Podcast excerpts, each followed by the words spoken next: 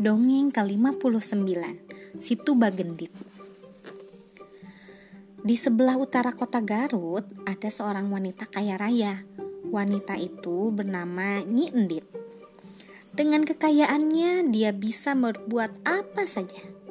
Penduduk desa banyak yang takut padanya.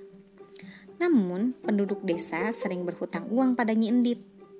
Nyi Endit pun mau membantu tapi dengan bunga yang tinggi. Jika mereka terlambat membayar utang, Nyendit akan menyuruh pengawalnya untuk menagih dengan paksa.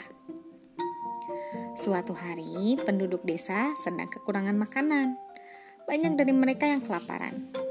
Sementara itu, cadangan makanan yang dimiliki Nyendit sangat melimpah. Bukannya berbagi pada penduduk desa, ia malah mengadakan pesta Pesta itu dihadiri keluarga dan teman-temannya.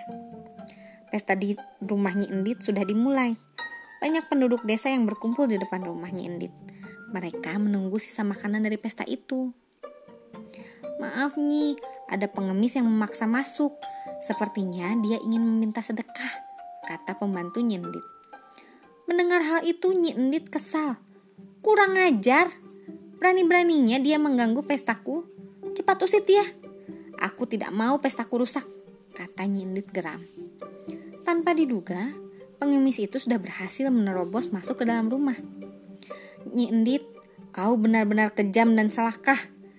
Berikanlah sedikit makanan untuk penduduk desa yang kelaparan, kata pengemis itu.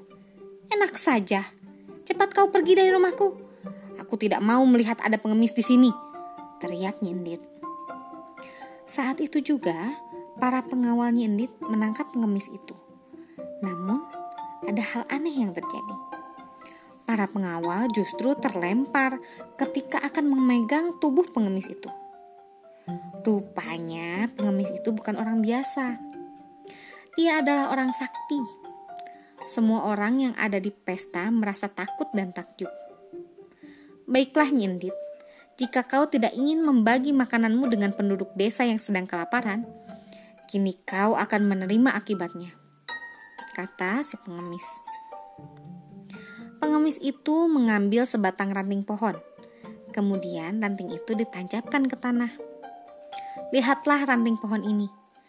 Jika kau bisa mencabutnya, maka kau termasuk orang baik. Jika kau tidak bisa, kau bisa menyuruh pengawalmu untuk melakukannya, kata pengemis itu.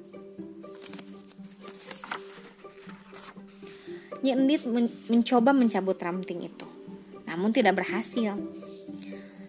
Ia lalu menyubuh, menyuruh pengawalnya yang berbadan paling besar. Lagi-lagi usahanya gagal. Ranting itu tetap tertancap di tanah. Pengemis itu akhirnya mencabut ranting itu. Tiba-tiba, dari bekas ranting yang tertancap, keluar air yang memancar dengan deras. Tidak lama kemudian, hujan pun turun dengan lebat. Dalam sekejap, desa Nyendit sudah terendam air. Banjir pun melanda.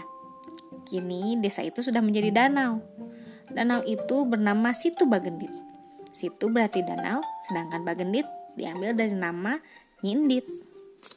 Sekian, terima kasih telah mendengarkan. Selamat malam.